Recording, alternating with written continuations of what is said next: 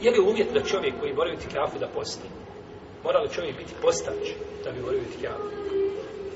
To je pitanje oko koga postoji razilaženje među islamskim učenjacima. I razilaze se na dva poznata mišljenja. Prvi stav je stav da čovjek mora postiti i da je to uvjet ispravnosti itikafa. I ovaj se stav prenosi od imama Ebu Hanife, rahimahullahu ta'ala, i prenosi se od Malika, je to je jedan rivajet od Ahmeda, i pripisuje se Ajše radijallahu ta'ala anha i e, Ibn Abbasu, Ibn Omaru i drugim ashabima. I oni dokazuju e, to sa nekoliko argumenta. Prvo, da je poslanik sa osanem boravio u Ramazanu u Etikjafu i da je postio dok je boravio. I nije poznato da je poslanik sa osanem nije potvrđeno da je bio u Etikjafu bez a da nije postio on, niti ashabi njegovi nakon njegovi.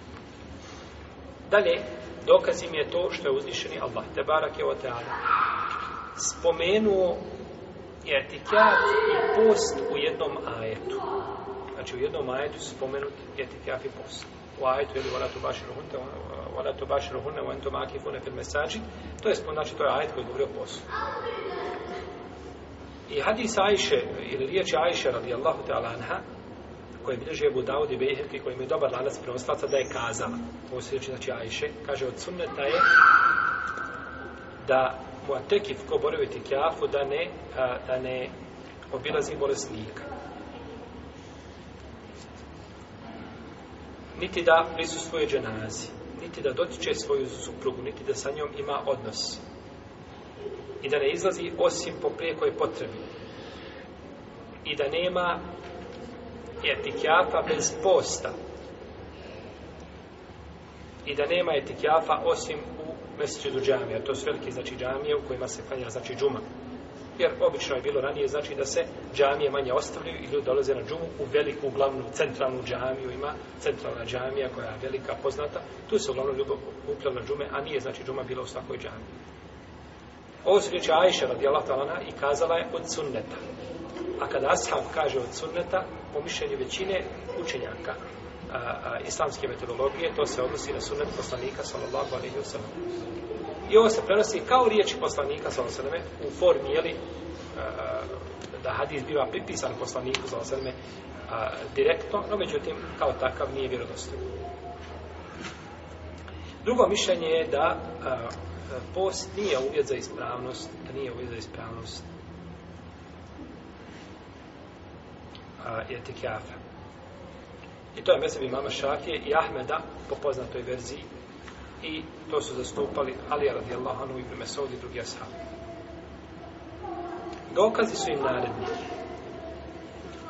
Kažu, Omer radijallahu ta'ala se zavjetovao da će boraviti jedno veće u etikafu. Rekao je, boravit ću, šta, jedno veće. A po noći se ne posti. Pa mu je poslanik sam rekao šta ispuni svoj zavjet.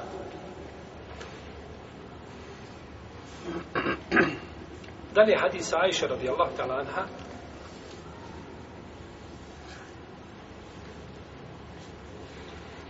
da je postio nakon toga u ševalu, da je nadoknadio. A kažu, ševal nije mjesto čega? Ne posti se, znači, u tome periodu, kao što se postio Ramazanu.